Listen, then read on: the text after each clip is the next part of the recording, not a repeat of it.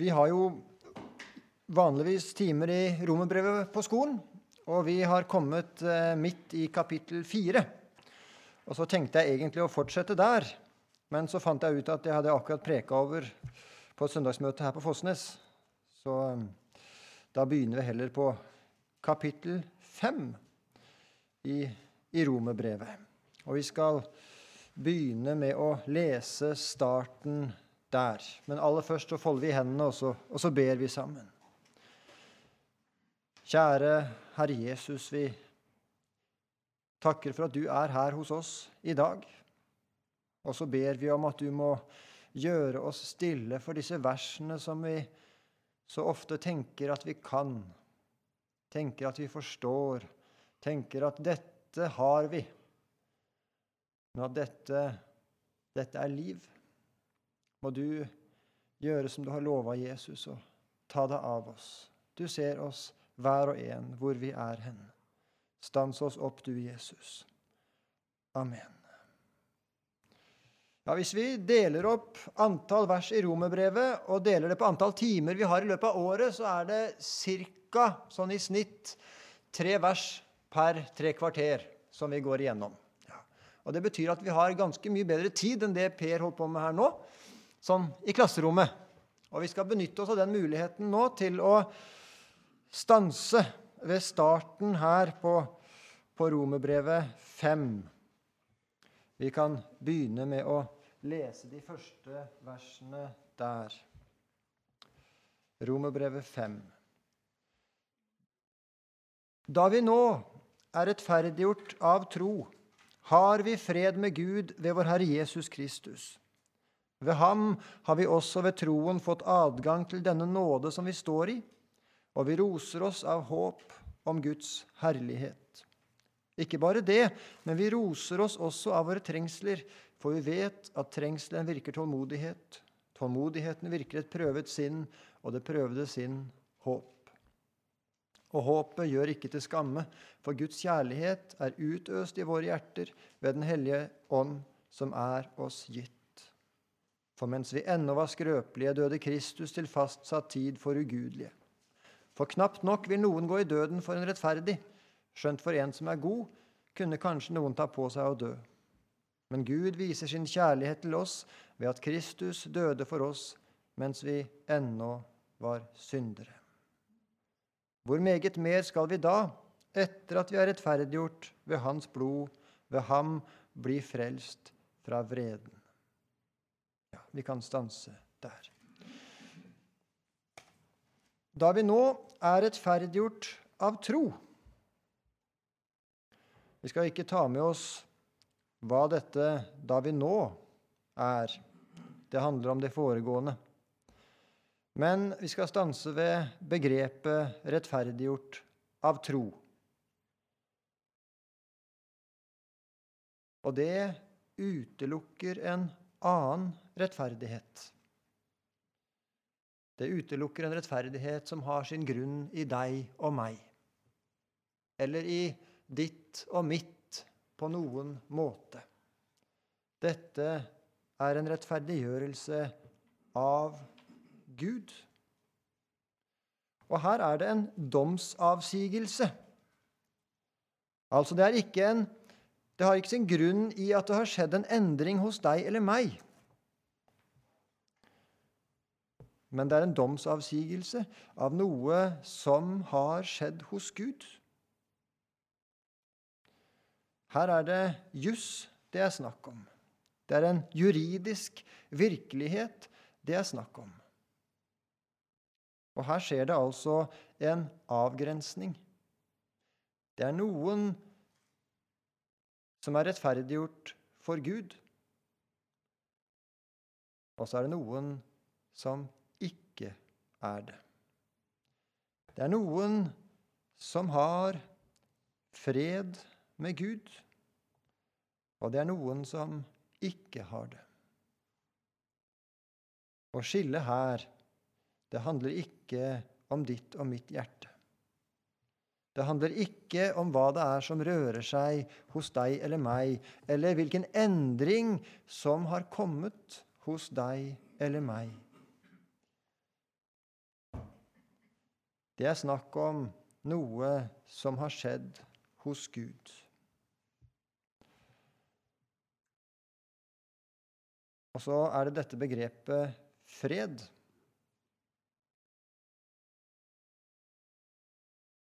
Fred. Hva er det som gjør at det er behov for fred? Jo, nå er det ufred i verden. Og det har sin grunn i at det er krig. Ikke sant? Der det er krig, der er det behov for fred. Der det er konflikt, der er det behov for fred. Og her er det en tosidig konflikt. Her er det et fiendskap.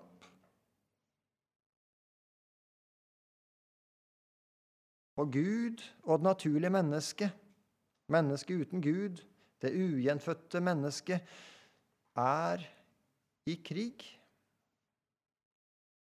Og det var mennesket som meldte krig mot Gud.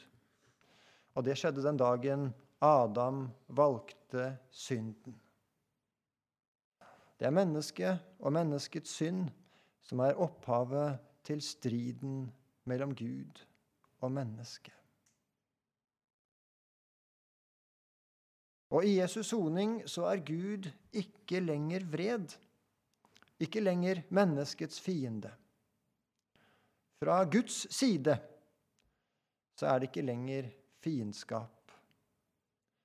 Men det naturlige mennesket er fortsatt fiende av Gud. Og det kjenner enhver kristen til. I sitt eget hjerte, i, i kjødet. At i meg, i mitt hjerte, så er det fiendskap mot Gud. Og selv om Jesus altså er død for synden, så er ikke synden død i ditt kjød. Og ditt kjød, det er akkurat det samme det er det naturlige mennesket. Det er det som er det alvorlige med det naturlige mennesket. At det er ikke i stand til å omvende seg en gang. Veien til en nådig Gud går ikke gjennom at det på en eller annen måte blir rett med deg.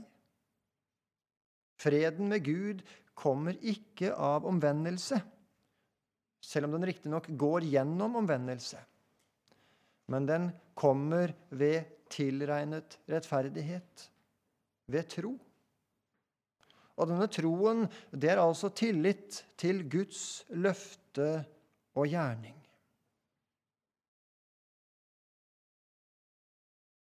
Og det er det vi er sammen om her at et menneske får, får fred med Gud. Det er det mest dyrebare et menneske kan eie og ha. Og det er det mest håpløse et menneske kan stå i når det står uten fred med Gud. Da kan det eie hva som helst annet. Men er det i krig med Gud, ja, da er det ingenting som hjelper.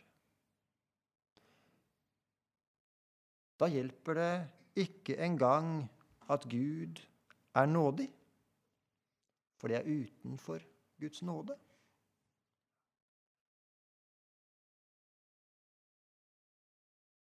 Her ligger noen dype sannheter. Og Rombrevet 5 det taler altså om en kristens forhold til Gud. En kristens forhold til Gud. Ikke verdens forhold til Gud. Verden kan få fred med Gud, men verden har ikke fred med Gud. Hvorfor har ikke verden fred med Gud? Jo, for det er bare den som har Jesus, som har fred med Gud. Men den som altså har fred med Gud. Har alt han og hun behøver.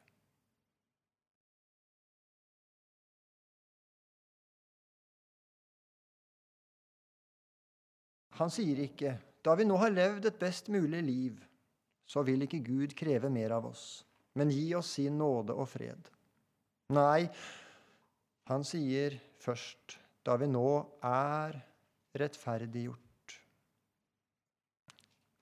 Vi må helt og holdent være rettferdige altså fullkomne overfor Guds hellige lov. Og noe mindre enn det kan ikke tilfredsstille Gud. Og Paulus sier heller ikke altså, da vi nå selv er blitt slik vi bør være etter loven. At vi har fått et hjerte og et helliggjort liv, så loven og samvittigheten ikke lenger anklager oss, og så kan vi tro Gud. Nei, denne rettferdighet er ikke av gjerninger. Den er ikke av deg, og den er ikke av meg. Den er av Gud. Den som er rettferdiggjort av tro, den er altså rettferdiggjort av Gud. Og disse som er det, det er mennesker som erkjenner at de i seg selv er ugudelige men har all sin trøst i Han som rettferdiggjør den ugudelige. Som er fortapt med alt sitt eget, og også utenfor evne til å omvende seg. Og Her ser vi, Nå leste jeg fra Rosenius, og nå ser vi hvor mye vi har av vår teologi, av vår forståelse, gjennom det å ha lest Rosenius. Vi tror dette er våre egne ord. Vi tror det er dette som vi kan. Men vi har det altså ifra Bibelen, og vi har det gjennom det som vi har hørt. Og det som vi stadig trenger å høre. Denne rettferdiggjørelsen er en fremmed rettferdighet.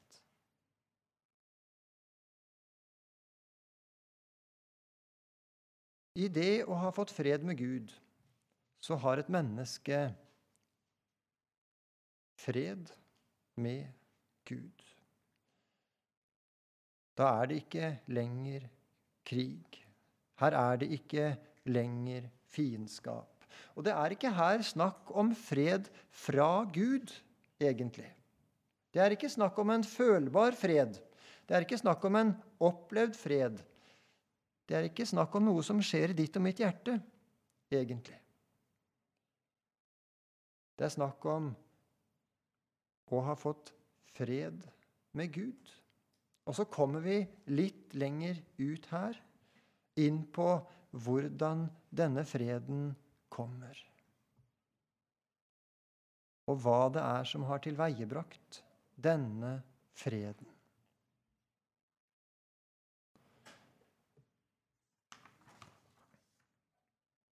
Freden med Gud, den er en fred som ikke nødvendigvis sammenfaller med hvordan du kjenner det i ditt hjerte. For hvor er det fred? Jo, det er i Guds hjerte. Så hvis du skal lete etter denne Guds fred, så må du lete i Guds hjerte. Du må se hvordan det står til der. Og noe annet sted kan du ikke få visshet om Guds fred. Og denne freden, det er å stå i et rett forhold til Gud. og som Per nevnte så vidt i forrige time. Det er ingenting som kan bli bedre. Hele Guds velbehag, hele Guds velsignelse, hele Guds godhet, hele Guds nåde er over deg, du som er en kristen.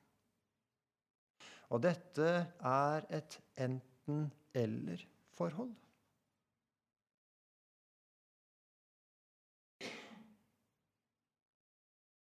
Her er det hvile å få. Her er det visshet å få. Og hvordan, hvordan kan et menneske som er en synder, få visshet om dette? Hvordan kan et menneske som er en synder, få vite at man har fred med Gud?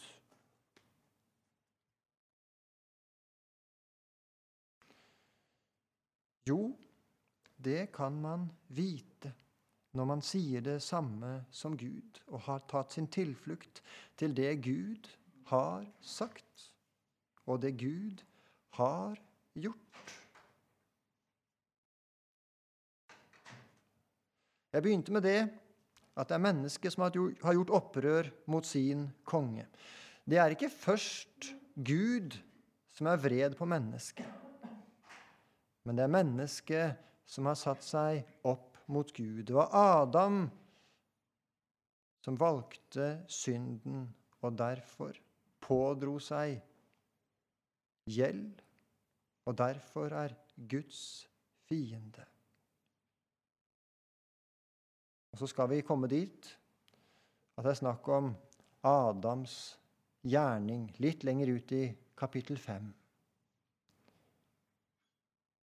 Det er ikke så lenge jeg, siden jeg hørte det at eh, Adam han, er, han var ikke et menneske. Han var et eksempel for deg og meg. Adam var altså ikke det første mennesket. Men han var et eksempel på hvordan fallet var, og sånn faller du, og sånn faller jeg også. Ja, han er virkelig et eksempel på hvordan du og jeg faller, men, men det er ikke det han egentlig er. Han var det første mennesket. Og han falt. Og han gjorde opprør mot Gud. Og det opprøret, det følger slekten. Så lenge de som er fiender, ikke vil legge ned våpnene og vende tilbake i lydighet mot kongen sin, så vil hans dom måtte hvile over opprørerne. Og de fleste mennesker de lever altså fortsatt i opprør mot Gud, i fiendskap mot Gud. Den som ikke tror, er allerede dømt. Og hvordan kan nå dette mennesket bli frelst? Hvordan kan det gå til? Jo, det må få del i Sønnen. Det må få del i Jesus. Og så er det to opprør mot Gud. Rosenius nevner de i sin romerbrevskommentar. At vi forstår at de grove og frekke synderne, de skjønner vi, de er under Guds vrede. De som er nådeforaktere. De som er fiender av Gud. Men det er ikke bare dem, sier han. Nei, Skriften taler like klart om dom selv over det mennesket som er uroet og vekket opp til frykt for Gud, men likevel ikke flyr til nådestolen og søker rettferdighet av tro, men i strid med Hans ord innbiller seg at de skal kunne opprette skaden gjennom sin kristendom. Skal kunne minske sin skyld og redusere Guds vrede de kjemper seg til døde i egne gjerninger. Alt er forgjeves. De strever med å opprette sin egen rettferdighet gjennom sin anger, sin tro, sin bønn, bibellesning, avhold osv. Og så er alt forgjeves. Og så er den hellige Guds betingelser ikke tilfredsstilt. Deres kjærlighet til Gud blir aldri ekte. Og det som er enda verre, de kjemper mot Guds evige utvelgelse. Kjemper mot lammets ære. De trår Guds sønn under føttene og forakter paktens blod. Hva er det å bli rettferdiggjort av tro? Jo, det er det motsatte. Det er å ha gitt opp sitt eget strev. Ja, anse det som skrap. Det er de som har blitt overbevist om at de er fortapt, og har gitt Gud ære ved å fly til forløsningen i Kristus Jesus. Men er ikke det altfor lettvint? Er ikke det å ta det lett med synden?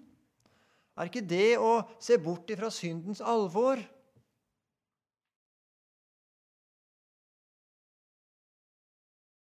Tar Gud det lett med synden? Ser Gud bort ifra syndens alvor? Gjør han det? Nei, det gjør han ikke. Han tar det langt mer alvorlig med synden han enn det du og jeg gjør. Og så sier Gud hvordan det er med synden. Det holder ikke med ditt alvor for å sone synden. Det holder ikke med ditt alvor for å gjøre soning for hva du har forbrutt deg med. Det må noe mer til.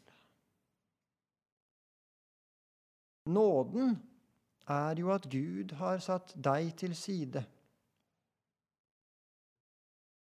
og forteller deg med det at du er uegna til å ha med Gud å gjøre.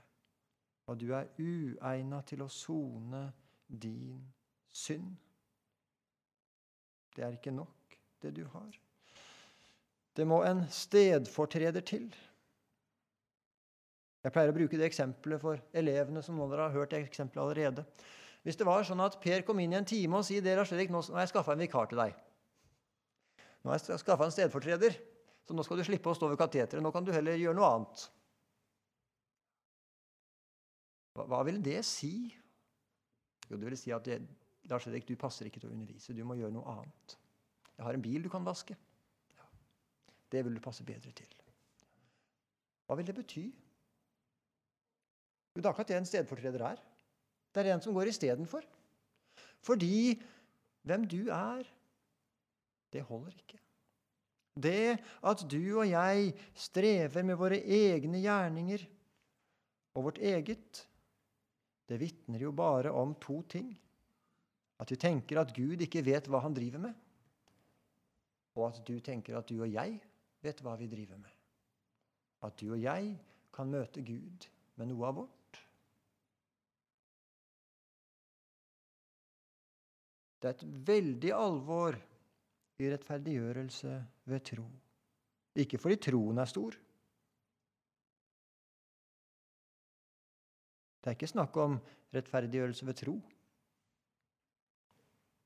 Som om troen er en gjerning du kan bringe Gud. Men hvem du og jeg tror på? Vår Herre Jesus Kristus. Hele vårt forhold til Gud, det hviler på hva Jesus har gjort og er for oss. Her er det altså gjort en fredsslutning. Og her er det slutt på menneskets opprør mot Gud, for her sier mennesket Og det gjelder enhver kristen. Man blir ikke en kristen uten å gjøre det, uten å gå konkurs uten å måtte ta sin tilflukt til det Jesus har gjort, og det Jesus er, og bli enig med Gud. Og si, 'Gud, du har rett i din dom over meg.' Du har rett når du sier at jeg er en ugudelig, at jeg er en fiende av Gud. Og så slutter mennesket å stå i opprør mot Gud. Det er ikke dette som åpner Guds hjerte. Gud har vært nådig fra begynnelsen av. Gud er ikke lenger vred. Men det er ikke det som et menneske ja, lever i hvis de lever i fiendskap med Gud likevel. Rettferdiggjørelse ved tro. Det betyr at mennesket ikke lenger står i et fient forhold til Gud, men gir Gud rett. Og tar sin tilflukt til det Gud gir. Og hva er det Gud gir? Jo, han har gitt sin egen sønn Og i sin egen sønn har Gud gitt den kristne fred. Og her kommer det en annen fred også. Ikke bare fred med Gud, men også en fred fra Gud. Denne freden med Gud, den er 100% Er man en kristen, så har man fred med Gud. Fullstendig. Som vi hørte i forrige time, som om denne er Jesus. Men den erfarte, den opplevde freden fra Gud. Det er noe som bor i ditt og mitt hjerte. Og det er noe som varierer. Skal du vite om du har fred med Gud, ja, da må du se til, se til Jesus. Men du verden hvor godt det er å oppleve fred fra Gud i hjertet. Men den vil gå opp og ned. Og noen ganger så kan den forsvinne helt. Og det kan være en forferdelig opplevelse når denne opplevde freden i hjertet forsvinner. Men det er også en nådesak når Gud lar det skje hos en troende. Fordi fordi det vil drive den troende inn til Gud igjen. Når har en kristen god samvittighet for Gud? Altså opplever det, føler det. Jo, Luther sier det. En sannferdig og god samvittighet har fred når Gud er nær, men skjelver når Gud synes fjern. Den troende blir trøstet når Kristus åpenbarer seg, altså når Kristus blir synlig. Men da blir den ufrelste uroet. Guds barn sier, 'Når jeg kan tro at det er sant, alt det som er skrevet om Kristus, da er jeg trøstet.' Den ufrelste derimot uroes nettopp ved tanken på om det er sant, alt det Skriften sier om Kristus.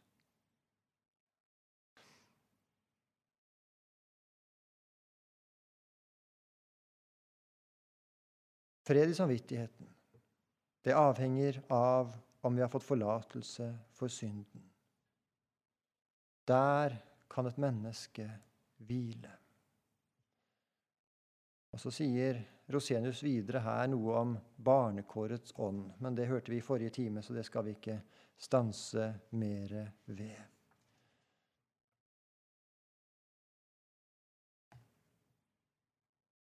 Men denne freden fra Gud, freden med Gud. Det er en fred som det naturlige mennesket ikke er i stand til å forstå, og som det naturlige mennesket står i fiendskap til. For det naturlige mennesket er ikke behov av å ha fred med Gud. Det søker fred med synden.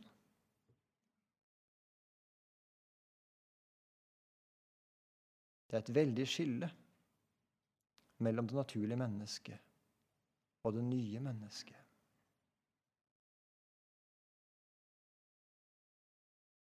Ved ham har vi også ved troen fått adgang til denne nåde som vi står i. Ved ham, altså i Kristus, det viser hva troen har med å gjøre. Den har ikke med ditt og mitt hjerte å gjøre den har med Jesus å gjøre. Den som springer til Jesus, den som kommer i nød og tar sin retning mot Jesus, den har fått adgang til denne nåde som vi står i. Og vi skal stanse ved 'står i'. Her er det mye trøst hos en kristen. Er du en kristen, så står du i nåde, og er du ikke en kristen, da har du ikke del i nåden. Men er det ikke sånn, da, at når du faller i synd, så faller du ut av nåden? Er det ikke sånn? Er det ikke sånn at når du som er en kristen, velger synden, så er du ikke lenger en kristen? Er det ikke lenger sånn? Er det ikke sånn at når du ikke makter å holde deg flytende, så er du ikke lenger et Guds barn? Er det ikke sånn? Her står det noe helt annet. En kristen står i nåde hos Gud.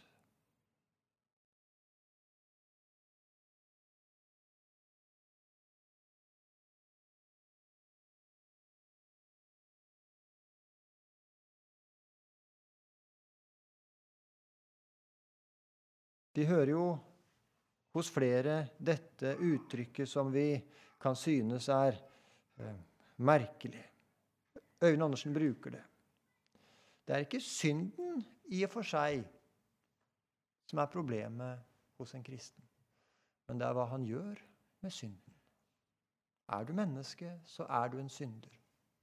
Det slipper du ikke unna. Og er du menneske, så bor synden i ditt kjød. Det slipper du ikke unna. Du slipper ikke unna hvem du er av naturen. Det er ikke det som er å være en kristen, å være fri fra kjødet. Det som er å være en kristen, er å leve åpent med Gud med hvem du er. Å leve åpent med Gud at du er en løgner. Da er du sann. Midt i din løgn. At du lever åpent med Gud. At du bærer på et kjød som elsker synden. Da er du fri fra synden. At du lever åpent med Gud om hva det er som bor i deg. Da får ikke synden rom til å herske. Her er det et veldig klart skille. En kristen er en synder, bærer på synd, slipper ikke unna å være en synder. Og hele dagen så vil syndens inntrykk komme strømmende på. Det slipper du ikke unna. Enten det er mismot eller overmot eller hovmot eller hvilket annet mot du har. Du slipper ikke unna det.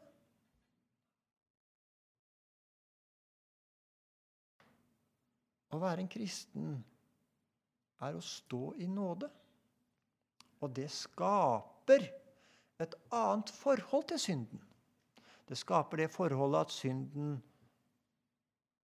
blir sett på sånn som Gud ser på synden. Nå begynner du å se sant på synden. Synden er et bedrag. Synden ødelegger. Synden er ingen frihet for deg lenger, du som er en kristen. Synden er en lidelse. Og så bærer du på et kjød som elsker synden. Å, det er fortvilende å være en kristen og bære på et kjød. Men det er ingen frihet. Samtidig så elsker kjødet synden.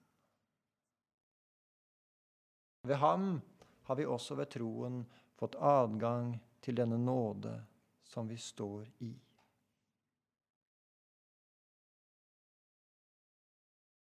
Å stå i nåde hos Gud betyr at Gud ikke ser til hvordan det går med deg i ditt kristenliv. Han ser til Jesus på dine vegne. Og så regner han med Jesus istedenfor deg. Ja, skal vi bare synde, da? Ja, sånn tenker kjødet. Det er kjødets omgang med nåden. Ja, den misbruker nåden til å bli værende i synden. Men du jeg, vi som er kristne, vi lever ikke etter kjødet, vi. Kjødet dukker opp. Ja, jammen dukker det opp. Men vi lever ikke av det. Vi lever ikke i det. Vi kan ikke begrense evangeliet etter hvordan kjødet omgås evangeliet. For da blir det ikke noe evangelium lenger. Men er du en kristen, lever du med Gud, så skapes det i evangeliet I nåden så skapes det en nød for at du er en synder, og en frelsesfryd. Tenk at jeg som bærer på et kjød som elsker synden, tenk at jeg er likevel fri fra syndens makt. Her jeg står nå, og der du sitter nå. Ikke engang når alvoret blir sånn som alvoret skal være, men nå. Ved ham har vi også ved troen fått adgang til denne nåde som vi står i. Det svinger ikke hos Gud. Det endrer seg ikke hos Gud. Hvor langt kan et menneske da gå ut i synden før det faller fra? Ja, Det er kjødets måte å omgås nåden på. Det er ikke sånn en kristen tenker. En kristen tenker 'hvor nær Jesus kan jeg komme'? Å, jeg må høre Jesus til. Jeg må være hos Jesus, jeg. Og det er en lidelse at jeg er en synder sånn som jeg er. Ser du disse to sinnelagene? Og som kristen så skapes det, når Jesus får rom, en frykt for synden. For synden er det eneste som kan få meg til å forlate Jesus. Gud har aldri forlatt en eneste synder. Han har ikke det. Men det er mange syndere som har forlatt Gud. Ja, det er det. Det er ikke mulig å bruke opp Guds nåde. Det er lett å forlate den, og jeg kjenner mange, jeg, som har forlatt den. Det er ikke mulig å bruke den opp. Ved ham har vi også ved troen fått adgang til denne nåde som vi står i.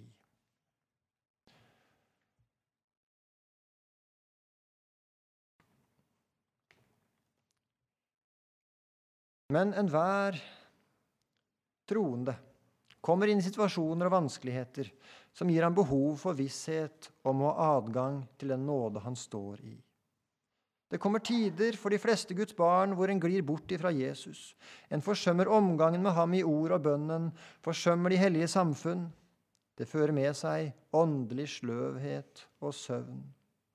Sinnet inntas av synden og verden, og det leder til fall og bunnethet.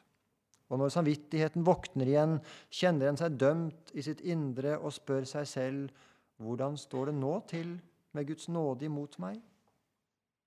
Da er det redning i å vite at en har en stadig adgang til Guds nåde for Jesus skyld. Ja, hva er det som gjør at et menneske står i nåde? Er det fordi det er rett med han eller henne? Nei, det er det ikke. Det blir aldri rett med deg, men det er rett med Jesus. Ja. Skjønner du? Nei, du skjønner ikke, men, men hør. Hør. Det er fordi det er hos Jesus at det er rett med deg. Det er derfor det står vel til med din sjel. Det blir aldri rett med deg. Idet du skulle håpe at nå blir det rett med deg, nå ordner det seg med deg, nå har alvoret kommet Ja, det er jo deg, da. Det er ikke kristendom, det. Det er egenrettferdighet, det.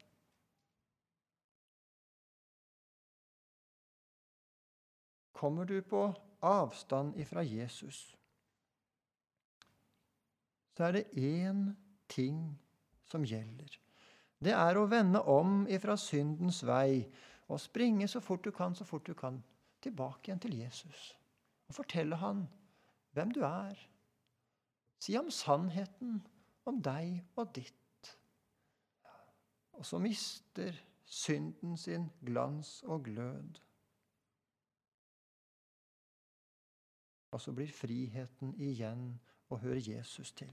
Det er sånn når et menneske kommer på avstand, når en kristen kommer på avstand fra Jesus og på avstand fra syndenes forlatelse, så blir syndenes forlatelse noe jeg må. Ikke noe jeg får lov til. Noe jeg skal. Som jeg helst ikke vil. Det er kjødet, ikke sant? For kjødet vil jo ikke ha nåden. Det vil ha synden.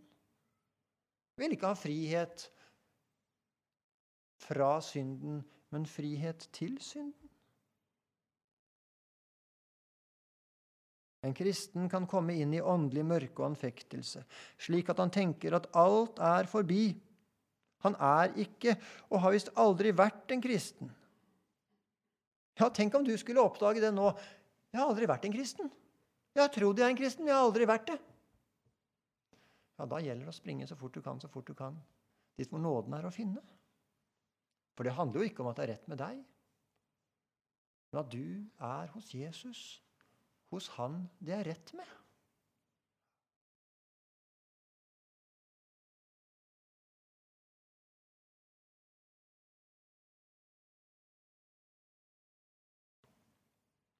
En kristen kan komme inn i åndelig mørke og anfektelse, slik at han tenker at alt er forbi.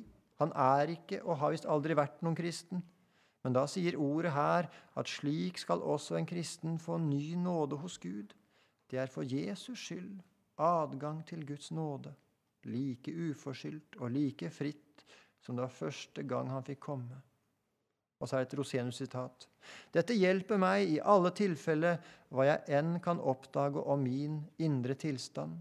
Ja, endog selv om jeg skulle oppdage at jeg hittil ikke virkelig har trodd, men vært falsk og i selvbedrag. Guds nåde er ikke noe som bare vi skal få regne med ved starten av veien. Men det er noe jeg får leve på hele veien. Nå er det slik at når en kristen faller i synd, så faller han ikke ut av nåden. Det er som når vi er i en båt. Det er forskjell på å falle ut av båten og falle i båten. Men også når jeg faller i nådens stand, så trenger jeg til syndenes forlatelse. Og så trenger jeg til å reises opp igjen ved Guds nåde. Og gjennom denne daglige syndsforlatelse fornyes den troende i Guds nåde og befestes i nåden og vokse i nåden. Kristendom det er ikke å gjøre det rette eller å ha det rett, men det er å skjule seg der Guds vrede ikke når deg. Guds nåde det er tilflukt. Det er tilflukt i Jesus og det han har gjort. Og dette er daglig. Ja, dette er livet. Det er ikke liv noe annet sted. Det er ikke fred noe annet sted. Men her er det virkelig fred. Da avslutter vi der, og så starter vi neste time om eh, Ja, er det ti minutter? Hm? Tolv, tolv, tolv, sier Martin.